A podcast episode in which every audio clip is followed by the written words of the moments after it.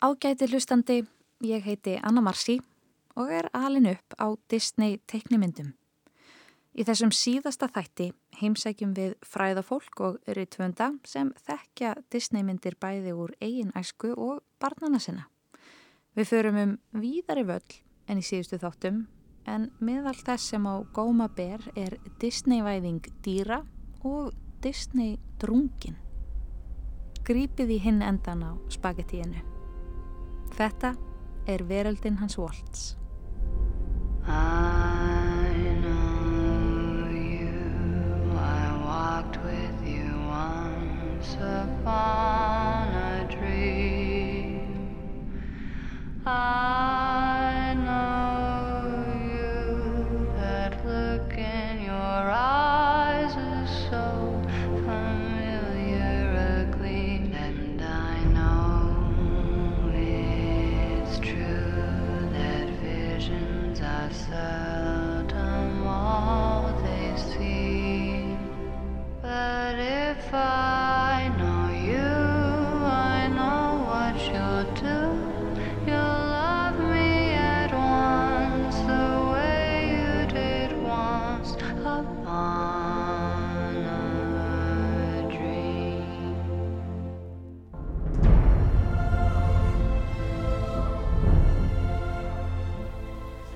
Gunnar Teodor Eggertsson, Irsafell Gilvardóttir. Takk fyrir að taka á móti mér hér á heimilikar í Vesturbænum. Mertu velkomin.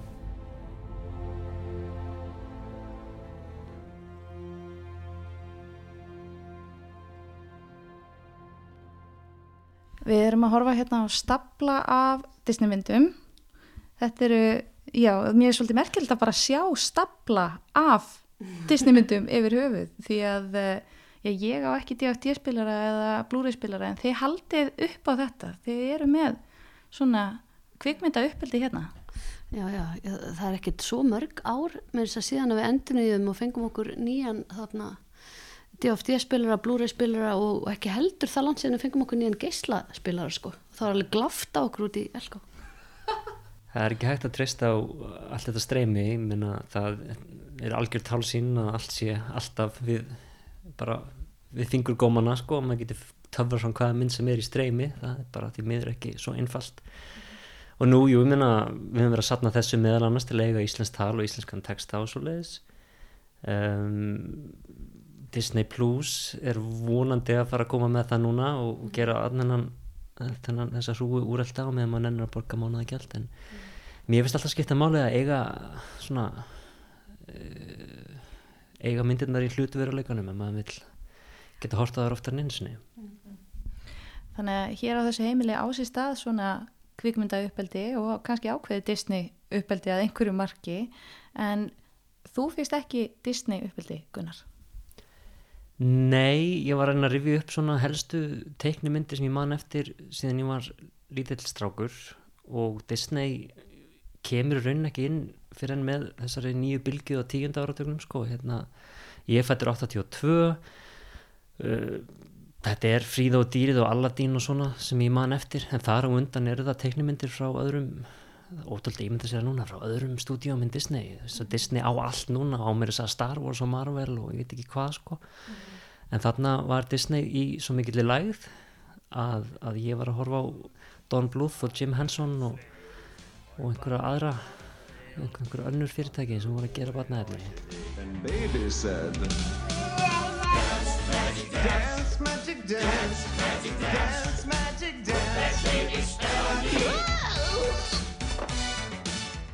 Ekki ég hef neitt verið að fela mig fyrir Disney eða neitt verið að halda því frá mér sko. Ég sá eitthvað á þessum gamlu myndum alveg hygglust held ég Gosa og, og, og Bamba allavega, Pottet Bamba. En man ekki neina svona sterkar tengingar fyrir en ég er orðin svona tíu ára. Við vorum ekkert mikið í að kaupa Disney myndir af Waffáis en ég átti þarna tvær og svo fekk ég fantasíu kannski því á nýja ára eða eitthvað en, því á fimm ára þá horfið ég á þessar tvær spólur bara sem ég átti aftur og aftur og aftur. Og það var Þyrnirós og uh, svo The Sword in the Stone sem að ég veit ekki hvort eldist vel. There now you see. I'm not a squirrel. I'm a boy I tried to tell you. I'm, I'm a boy. A human boy. If you could only understand. En myndirna voru á ennsku, segiru. Já, það er þarna voru nefnilega á ennsku, við kiftum þar út í Kanada þegar ég var lítil, uh, ég ólst upp þar og, og tók þar með mér heim þegar ég flutti heim sex ára og var svona stundum að sína vinkonum mínum myndirnar og, og þær tölu ekki ennsku og það var engin texti og ekki talsettur og allt það. Þannig að þá setti ég mig í svona hlutverk um, þýðanda og uppfræðara sko, sögumanns. Þannig að ég stoppaði svona með reglum millibili og eitthvað, já ég heyrði, það sem er að gerast núna er að Þyrnirós er sko komin þarna út í skó. Þeim er örgulega þótt þetta frekarpyrrandi en kannski samt alveg betra en að sjá þessar myndir ekki góða æfing núna þegar við erum að sína krökkunum ykkur að myndir sem er ekki til á íslensku þá erum við þessu lutrykki, setjum og þýðum alveg bara eins og einhver svona horfa á stúdíu og gipli myndir líka stundum bara, já já, tvekja tíma þýðingavinna já, já, það skiptist við á. Það er einn að horfa á einhvað svona öðruvísi.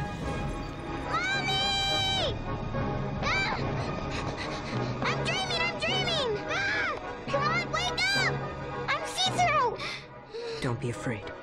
I'm Master Haku. No! I just want to help you. No! En það er nú stundum talað um það að uh, sumar að þessum Disneymyndum að það er eldist ekki drosalega vel og það séu stundum svona ákveðni hlutir í þeim sem að já, bara eiga ekki upp á pallborði í dag eða séu óviðandi efni fyrir börn og bara yfir höfuð. Mm. Meiri sé er það þannig að Disney Plus er komin viðvörun fyrir framann ákveðnar myndir. Dumbo. Já, um að þetta sé svona menningarlega uh, óviðandi Ég er að gleyma Dumbo. Já, það voru, það, var, það, já, það voru þrjár greinlega myndir síðdýrkaði það var Dumbo, Dumbo var eina af þeim sko. og hvernig útskilur þú krákunar í Dumbo fyrir vinkunum ég veit það ekki. Hey, it's the crows from Dumbo Hey, you guys seen my son? Well, I done seen about everything, but I sure enough ain't seen your boy no how. Ah, that's good old-fashioned family racism. oh, en sko, ég hef öruglega bara ekkert verið að spá í það hvað það er þýttu, sko. Það eru bara með krákur allir, sko. Hvernig síniði börnunum ykkar þessar myndir? Egiði samtal um það sem er í gangi svona eftir því sem að sögunni vindi fram? Taliði um... Uh, byrtingarmyndir kynjana eða eitthvað svona þar fram eftir göttunum Já, já, við gerum það. Og líka þegar við lesum og svona. Og svo erum við með eina fimmara stelpu sem er ofsarlega dögulega að benda á allt hvað var það kynjahalla í öllu sem hún horfir já, á. hún það þarf sko ekki að benda henni Nei, á það.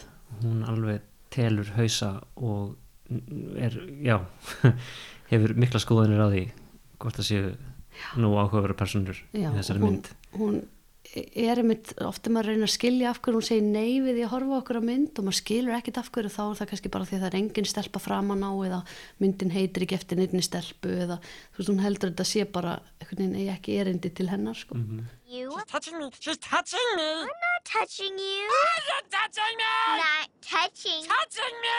It's free air. Það er annað við kynjahallan í þessum myndum sem að ég hef verið að velta fyrir mér og það er það að uh, strákarnir þeirra sögur ganga oftar en ekki út á vinóttu þegar við tölum um Toy Story þá gengur það kannski svolítið út á það að Vitti og Bósi finna vinóttuna sko. Og Bam, þetta er Bambi líka. Bambi algjörlega. En þetta er ekki alveg algilt eldilega sko. Mhm. uh, Wall-E finnur kannski frekar ástina og, og Coco það er, það er fjölskyldusaga. En uh, stelpunar svona þeirra vinir það eru einna helst dýr.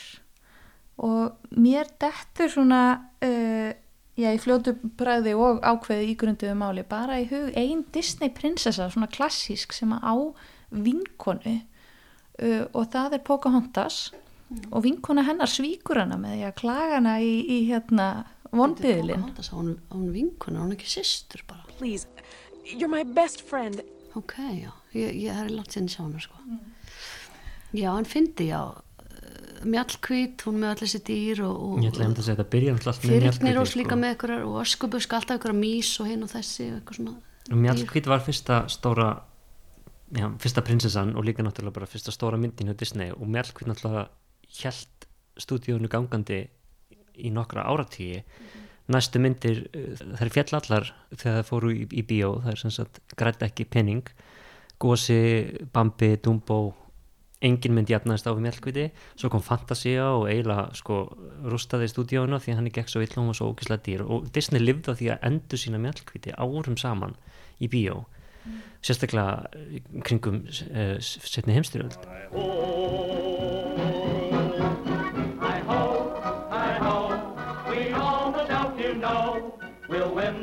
win the war, we'll fight for, for hi-ho Hi-ho, hi-ho, hi-ho Hi-ho We help to fight the foe. We've done our part with all our heart. Hi-ho, hi-ho þannig að ég get alveg ímyndað mér að markaðsfræðilega hafi bara þessi ímynd prinsessunar með öll dýrin þessi- bara orðið einhver blúprint sem þeir síðan hafi sko haldið áfram með og það hafi bara einhvern veginn fest sig í sessi sko. En svo er þetta líka einmitt, einmitt markasfræðildin og annan hátt að þú ert bæði með sko eins og við sáum svo vel í ræju um daginn í bíó. Disney Ræja og síðasti treki var þegar það verið að tróða öllum þessum litlu krútlegu dýrum eða einhverjum elementum inn til þess að sko þóknast yngstu börnunum sem að er í rauninni búið að ákveða mun ekki endast myndina nema þeir hafi eitthvað svona lítið krútlegt til þess að svona hengja sig á sko. Þannig að bara svona flókin saga, þú ert tveggjara, þú skilur ekki neitt í neinu en þannig er allavega einhver pínu lítill api sem er ógislega fyndin og þá svona, að, ég nenni að horfa með mömmu og pappa eða eldri sískinu með eitthvað svona. Þannig að það er bæði þá, sá svona krútfaktor í öllum litlu dýrunum sem er svolítið mikilvægur í Disney. Og svo ertu samt líka með þetta bara svona frásagnar fræðilega, þú veist, ef að þú ert ekki að búa til bíómyndum vináttu þá er það bara svolítið bara þú bara eigður ekki pústi. Ég hafa einhverja vini bara af því að. Ef það er ekki það sem myndin er um, en það tengist ekki plottinu Nei, þannig að þú veist, mér finnst Sérstaklega alveg þú þarft að að enginn eigi sko. vini sérstaklega ef að það er ekki það sem myndin snýst um. Alls konar praktísk atriði. Já. Já. en þessi litlu dýr sem félagar eru náttúrulega eh, ekki heldur, ég meina Aladdin allavega til dæmis sem með hérna, apan. Já, og, mhm. og það eru rúglega fleiri Já, þetta er litla, þessi litla hafmeðan er með bæði einhvern svona gullfisk og er með krabba, Pocahontas er með Miko sem er svona þvottabjörn og í Aladdin alltaf líka, hann er með Abu en, en hún er líka með hún hérna, dýrið, tígrisdýrið. Jasmín er með tíkristýri sko. og meðri segja vondikallin fær hann er með Jago Já. já, já. þetta er mjög fyndið en þetta Vajana, hún er líka með tvö svona, þú veist, ok, gefum þeim eitt en af hverju þurfa að hafa tvö og svo í ræju þá var hún í rauninni eða þú veist, þá byrtist svona fjórir svona já. krútfaktora eh, mikið. dýr sko, eða verur en það er kannski þetta sem þú segir ekki bara út af því að sagan er flókin eins og kannski í ræju þetta sé, tilfinningi sem ég fekk við að horfa bara á sko stikluna fyrir hana var svona, já þetta er svolítið svona djúsi fullorðismynd já, já, hún er alveg dark og, og svona óvinnilegt Disneymynd hvað það varðar sko. Já, en drungin, hann er svo sannlega til staðar í mjög mörgum af þessum myndum, sko, ef við tölum um eins og Bamba, þar sem hann er bara mjög drungalegu þemu, þar sem hann missir móðu sína og, og svo getum við tólkað mjög svo í gegnum líka allt að, hérna, myndrænt í myndinu með, með sko liti og hérna eldsvoðin í skóginum og það er margt mjög drungalegt í, í. Bamba. Hún er, hún, er, hún er miklu, ég held að fólk hugsi um Bamba sem eitthvað krút en, hérna, Mhm.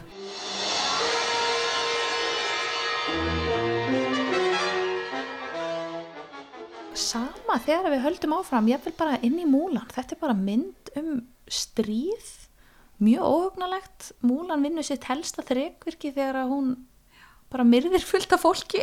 En mér fannst sko, við, ég hef bara séð múlan einu sinni þegar Þórildur var, elsta barnið okkar var svona kannski þryggja fjörura og mér fannst hún bara ekki hafa neitt áhuga á þessari mynd og mér fannst þetta bara ekki vera barnamynd. Ég, ég fekk einhvern veginn ótrúlega undarlega einmitt svona svolítið þunga tilfinningu. gat hún ekki hort á dregan bara hérna, Þannig mér fannst sæta mörg, litla dregan mér fannst bara? mörg lögin svolítið flott en það var einhvern ég veit ekki, ég hef ekki haft fundið svona löngunin til þess að vera eitthvað ofta að horfa á þessa mynd. Nei, en er það ekki einmitt þetta með af því hún er svo drungaleg að þá þarf litli sæti dregin að vera þarna að vera fyndin og hesturinn og eitthvað. Mhm. að það er svona eins og þú veist að segja að, að þetta er kannski ekki bara til þess að toga litlu börnin í það að endast í myndinni heldur bara til þess að þeir sé ekki jafn óþægilegar. Mm -hmm, einmitt Oh, Stop vel má sjó meðan ég klúðra öllu með einhverju stelpna vesinni. Hmm, pjattið. Já og svo náttúrulega hefur Disney alltaf sótt í brunn ævintýra og þjóðsagna og auðvitað einfaldað málinn töluvert með alltaf þessi ævintýri og mitt gertu miklu léttar og fallir en þau eru í upprunnulegum útgáfum og þetta talum að sko hreinsa sögur og ég meina Grimsbræður hreinsuðu sögurna til að byrja með og Walt Disney kom síðan og sko hreinsaði allt ennþá meira um, þannig að þessi drungi er svona samofinn efninu oft þó að hérna, það kannski skilir sér oft frekar í stemningu heldur en beinlínis. Þess, það er vondanornin í melku dettu bara nýra kletti, hún er ekki látin dansi í brennandi skóm eða hvað það er í æmintýrinu og svo náttúrulega ekki til neyn útgáð og gósa held ég að mann er hengtur í lokin eins og í sögunni. Hérna, Ég var að komast að því um daginn að uh, í þyrnir úr upprannlega æfintýrinu og þá uh, elur hún tvíbura á meðan hún er sofandi og það náttúrulega ekki að ræða Já. það hvernig það geti mögulega hafa átt sér stað Nei, ég menna og hvernig kemst uh, vondast norðin í Garðabrúða að því að prinsinn er búin að koma upp til Garðabrúð í törnin mm. -hmm. hún, hún var náttúrulega bara ólétt Mhm.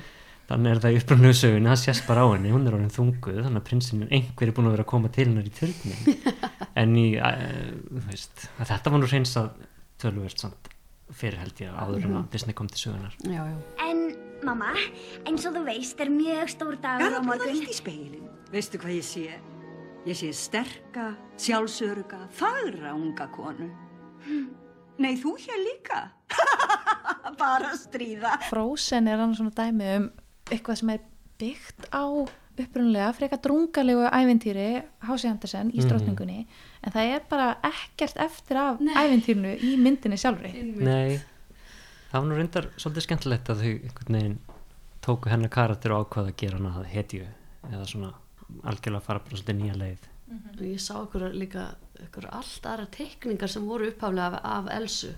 Þá var hún svarthærð og var alveg svona leit út í framann svolítið eins og Cruella de Vil sko. hún var alveg svona ótrúlega skörp og svona Mhm. kvöss öll og alveg, þetta er ekki prinsessa sem allir myndi segja, ég er hún, ég er Já. hún það vera Elsa anyway. En ef við tölum síðan um sko nýrri myndir að nú er Disney kannski verið aðeins að færast í átt frá þessum svona klassísku drungalegu æventýrum og uh, það- vissulega með tilkomi Pixar að einhverju leiti Mhm. en ég sé þarna að þið eru til dæmis með myndina Zootropolis í Mhm. bunkanum hjá okkur.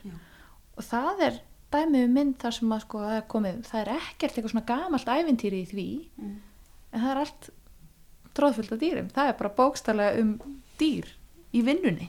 Er það ekki, er ekki að muna þessa mynd rétt Jú, jú, Jú, þetta er bara dýra heimur og ykkur svona heimar inn í einum heimi og, og svona hann fjallar alveg, alveg um drungaleg málefni fjallar um fordóma Predators. They may be strong and loud, but prey outnumber predators 10 to 1. Think of it 90% of the population united against a common enemy will be unstoppable. en á, á yfirborðinu er allt samt svona frekar létt og, og þægilegt sko Já, ég veit ekki hvað skal segja um það annað en að hún fjallar ekkert mikið um dýr þetta er of mikið svona föflusaga bara það sem að dýrin eru Já, einmitt. hérna, Ekki um dýr sem ekkert slík. beinlínis sko, já, me meira svona esops fílingur heldur en að það sé uh, eitthvað svona fjallum alvöru dýr en það eru Mhm. dýrin í Disney oftast mjög fjarrið því að fjalla eitthvað um alvöru dýr. Þetta er alveg hugtak í svona dýrafræðum er að tala um Disney-væðingu dýra í samfélaginu. Það, er þessi krútt krúttfaktor og þessi svona þetta er svona svolítið svona þessi bitlusu dýr sem verða einhvern veginn svo miklar skrýpamyndir af, af fyrirmyndunum. Sem er pínu fyndi í ljósi þess að Walt Disney laði mikla, mik mikið metnað í sérstaklega í, í Bamba að teikna öll dýr mjög raunsæðislega og mjög naturalíst og svona Mhm. en svo klessaði alltaf þessum stóru augum á alla og gera alla svona barnalega og, og allt það Disney væðing dýra, er þetta eitthvað sem að hefur neikvæð áhrif? Maður myndi halda að það veri fjallað um dýr og dýru sæt og krútlega, það myndi kannski leiða til þess að, eh, að við værum betri við dýr er það eitthvað sem að hefur þetta jákvæð áhrif eða slæm áhrif að við Disney væðum dýr? Hann er nú sérfræðingur í þessu, hann Gunnar en ég, ég myndi halda svo ég skjóti bara stuttlega að, að það bara var í kvorki nýja þú veist þetta er bara það sem það er. Þetta er bara sín okkar á þessi dýr er bara einhvern veginn först innan þessa Disney ramma og yfirfærist alls ekkit yfir á raunveruleg dýr myndi ég halda. Og alveg eins og bara þú getur sagst að vera mikil dýravinnur og elskað köttin þinn en þú berð kannski ekkit mikla verðingu fyrir öðrum dýrum veist að og eins og í bæði Babe og í þarna vefurnana Karlóttu sem er nú samt ekki Disney mynd en svona þú veist þá er það svolítið þetta dýr verður merkilegt af því að það er með nafn og af því að það er sérstakt en sem felur svolítið í sér að þá all hinn svona dýrin er ekkit það merkileg That'll do, pig. That'll do. Einu dýrin í Babe sem eru drepin og jetin þau fá aldrei nafn og þau fá Já. ekki að vera karakterar. Þannig hinn dýrin sem eru karakterar þau slepp öll. Nei, Disney var náttúrulega einu og sér er ekkert eitthvað það er alveg að halda því aðskildu sko frá öðru en þetta er samt svona hluta því, hluta af ákveðinni svona undirgefni. Veginn dýrin eru alltaf framsett sem einhvers konar skraut eða hjálparhellur eða, eða hérna einhvers konar svona bjagaðar útgáfur af litlum börnum. Þetta er svona krútleg svona krútlega kúunin ef maður setur þetta í sambandi við hvernig við förum með dýr annar staðar og, og þetta séu svona það sem að það sem við sjáum miklu nær okkur í nærumhverfi eru ykkur svona útgáður á dýrum við sjáum ekki hinn dýrin sem eru öll falin einhver staðar á baku luktardýr Mm.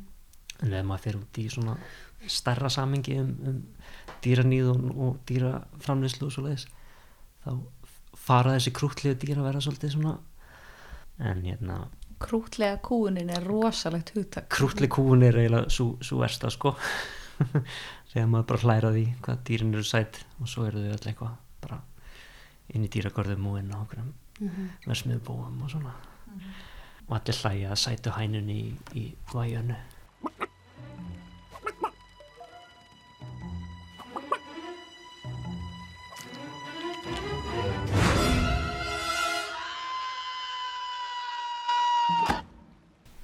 Það er nú alveg stór hluti af lillu hafmiðinni þar sem að það er bara heilt lag um það þegar að krabbin er að reyna að sleppa undan kokkinum.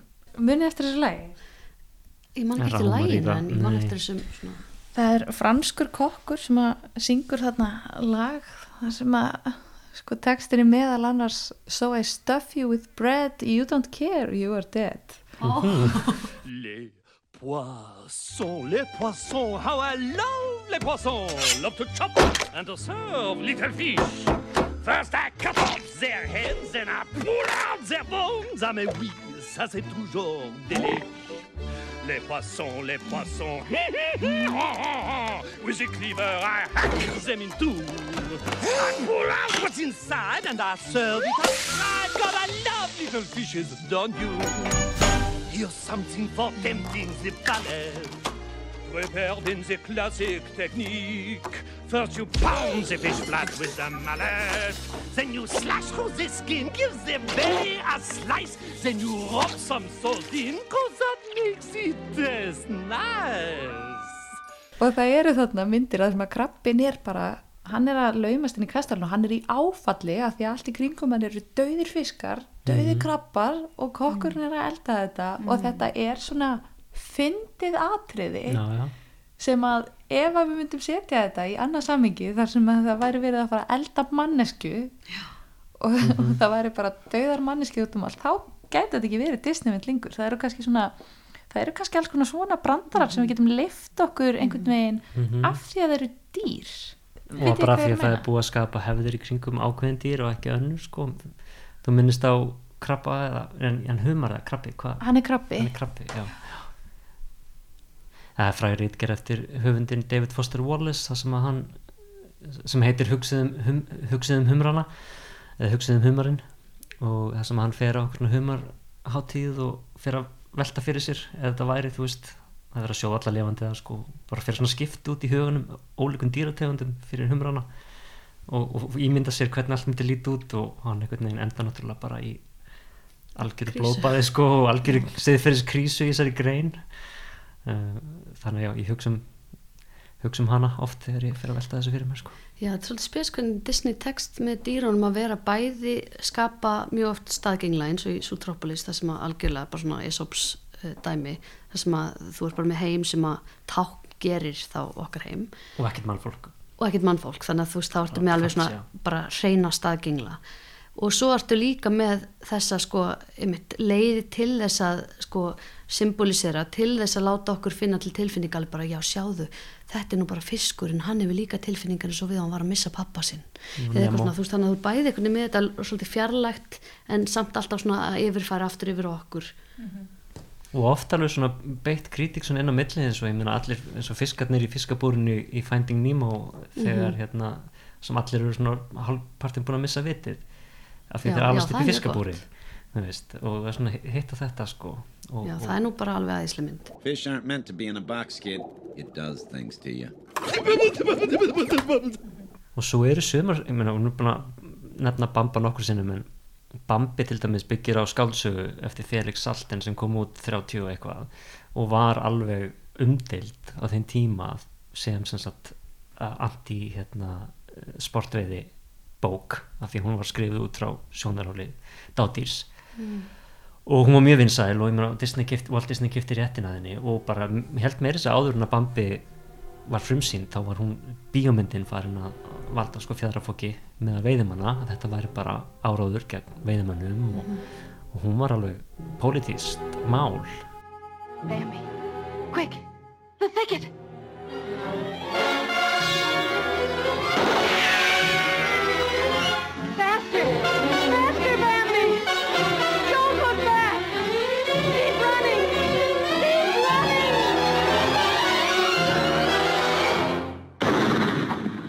Veist, hún kom miður setni heimstyrjöld þannig að það var meira, hann- meira mikilvægir í gangi á þessu tíma sko en hún var ekki alveg sama fjadrafók og var með skáldsöguna.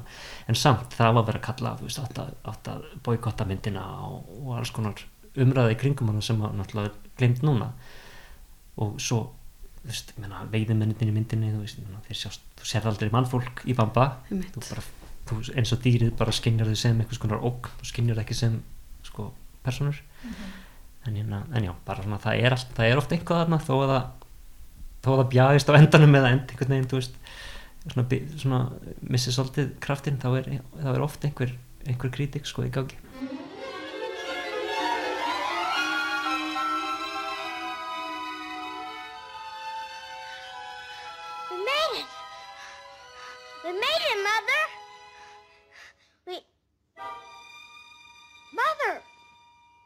Svo við skiptum yfir í aðeins annað umræðuefni að þá uh, eru foreldrar almennt fjárverandi, það er ekki margar svona Disney hetjur ungar sem að eiga tvo foreldra, eiga mömmu og pappa eða já, náttúrulega enginn sem að kannski á pappa og pappa eða mömmu og mömmu ef út í það er farið.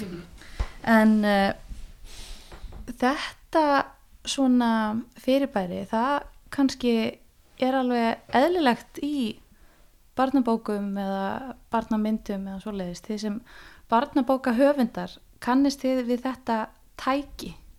Er þetta tæki að drepa móður og, og þar með lendir hetjan í æfintýrum Guð, ég held að þetta sé uh, náttúrulega svo ólíkar þarna svona ætlanir með því. Þú, veist, er, þú getur bæði haft þetta sem bara innföldun að ef þú ert að segja sögu frá sjónarhóli barns þá bara flækir það málin að vera með eitthvað leiðinda líf fullorðina með í sögunni. Þú ert bara, þetta er bara saga um stelpu og hennar ævintýri eða eitthvað, eða strák og þú veist.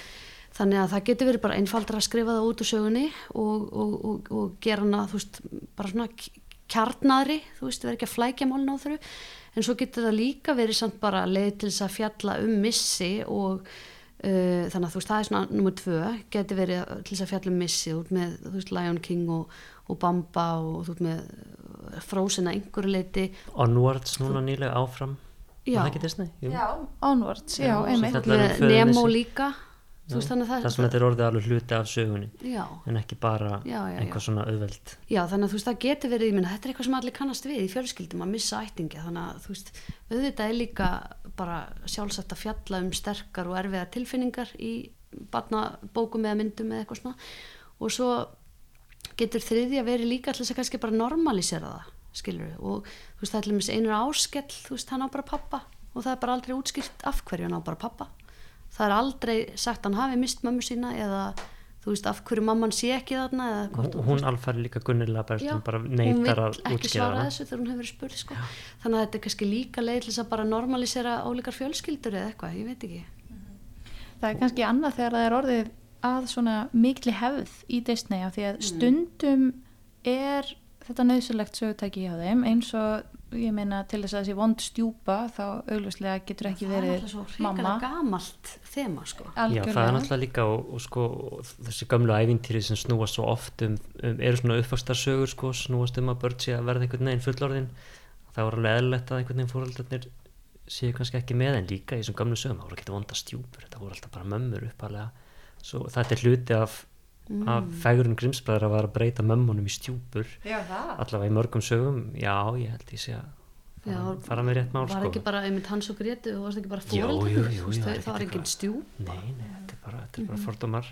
Já, það að- geta, fóreldrar geta verið vondir. Og Svo sannarlega, og það er því Nei, við, við getum ekki eftir þannig, við verðum að hafa þetta eh, það má ekki vera blóðu skilt Já, já, meina þetta er hluta því að, að, að í mörgum sögunum eru krakkarnir, í ævintýrunum minni, gömlu gömlu eru þau að verða fullorinn sjálf sko og þurfa að gera það sínum eigin forsöndum og þess vegna sem að rauð þetta í upprunnu sögunum, þú veist, bjargar ekki ömmunni heldur, heldur borðar hana, veist, og hérna borðar Já, það rauð til- þetta ömmuna? Það er til sögur sögur þar sem að já úlfurinn er búin að tappa þú veist Já, það sem hún er líka á, bara að- á, á að- flösku, hún drekkur blóð af því hún er að verða kynþorska Já, hún er að við- vangin við úlfinn sko, hún er bara að fíla þetta.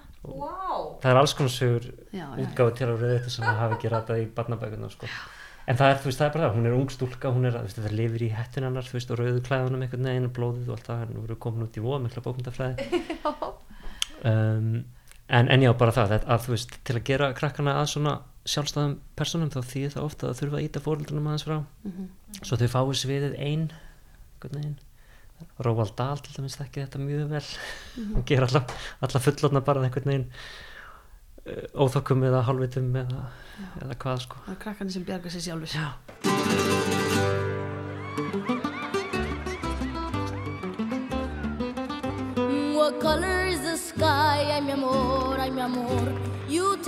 That it's red. Ay, mi amor, ay, mi amor. Where should I put my shoes? Ay, mi amor, ay, mi amor. You say, put them on your head. Ay, mi amor, ay, mi amor.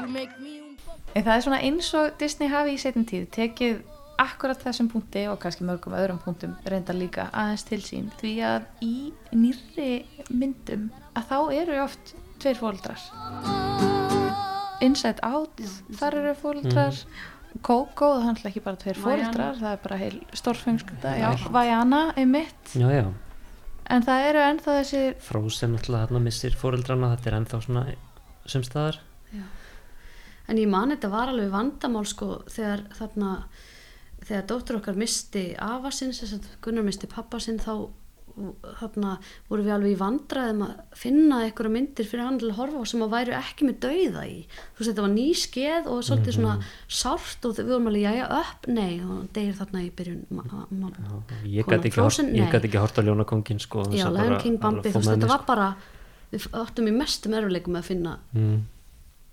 finna mynd sem að væri bara með já þetta er bara svo stórt þema það, mér dettur ekkert margt í hug þar sem að eitthvað, það er kannski bara Toy Story og eitthvað svoleiðis, þar sem að enginn deyr, Jungle Book. Mary Poppins. Mary Poppins, já. En það er svona þessan, það kemur líka að einu af því að þú nefnir upp að það eru fólkið sem við erum að fylgja eftir í þessum myndum, þetta er yfirleitt alltaf krakkar eða mjög ungt fólk, Mhm. en í upp er sögu hetjan það er vissulega krakki, það er hundur er það ekki, Mhm. og svo bara fjörgamall maður Mhm. og það sjáum við líka í sól Já. nýjustu hérna Um, myndinni sem að já, hann eftir. já, það er ekki búin að horfa á hana Nei. það er bara miðaldra karlmaður en hann reyndar svo sannarlega deyr það er megin hann. akkurat, það gerist nefna í myndinni Mhm. Guðs, fyrstu tíu myndirnar og upp er alveg sko, ég get bara hágrátið yfir þessu sorglegt og fallegt sko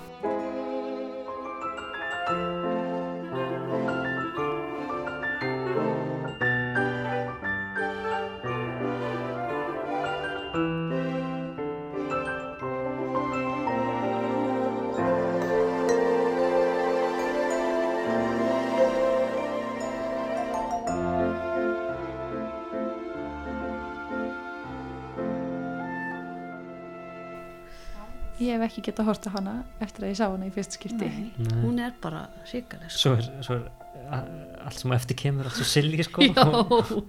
Svo astanari mynd.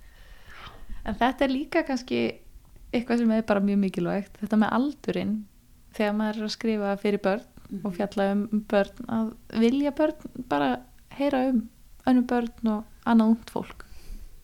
Og sæt dýr Einmitt, ég var nú með rýtsmiði um daginn þarna um svona fjölbreyttar sögupersonur á vegum borgarbóksapsins og þá voru við svona að tala um þetta hvaða söguhetjur viljum við sjá og, og, og við vorum svona aðeins að tala um innan balans á milli þess að spekla sig og að sjá í- inn um glugga. Þannig að þú veist, maður vill sjá svona oft eitthvað sem er svolítið svipað um manni sjálfum og þú veist eins og stelpan okkar, þú veist, ég er hún og ef það er engin hún þá er hún að leita að speklunin sem er ekki til staða sko. hún vil Nei, en svo er það líka þetta skegnast inn um, þú veist, inn um glugga og inn í heim einhvers annars sem að er auðvitað bara skemmtilegt og nöðsynlegt fyrir alla. En ég spurði krakkana svona í gríni bara, þú veist, eh, hugsið ykkur ef maður er ald finnur aldrei sögupersonu sem maður getur speklað sig í, hvað það er kannski svolítið leiðilegt til lengdar en maður veit að allir hini geta speklað sig í þeim. Og hugsið ykkur ef að til dæmis bara allar sögupersonur í öllum bókum og myndum væri bara gamli kallar. Þú veist, myndu þið, oh, værið ekki orðin svolítið þreytt að því. Everybody wants to be a cat because a cat's the only cat who knows where it's at. Tell me, everybody's picking up on that feline beat. Cause everything else is obsolete. Strictly high button shoes Square with a horn makes you wish you weren't born. every time he plays. But with the square in the act, you can set music back.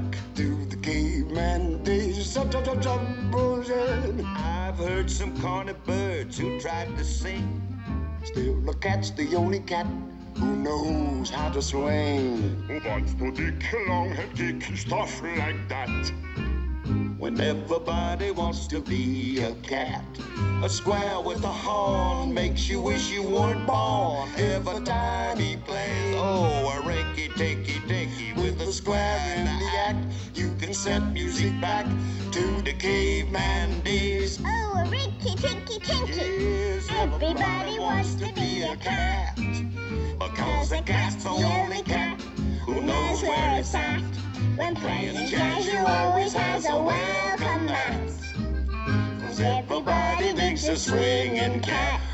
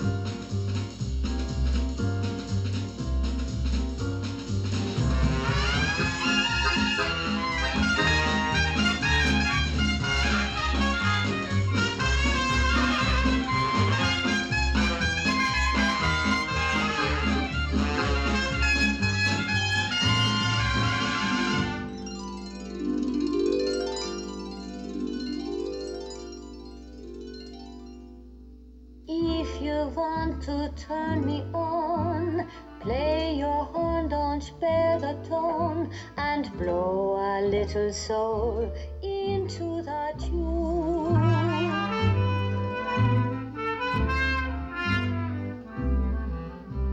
Let's take it to another key. Modulate and wait for me. I'll take a few ad libs and pretty soon.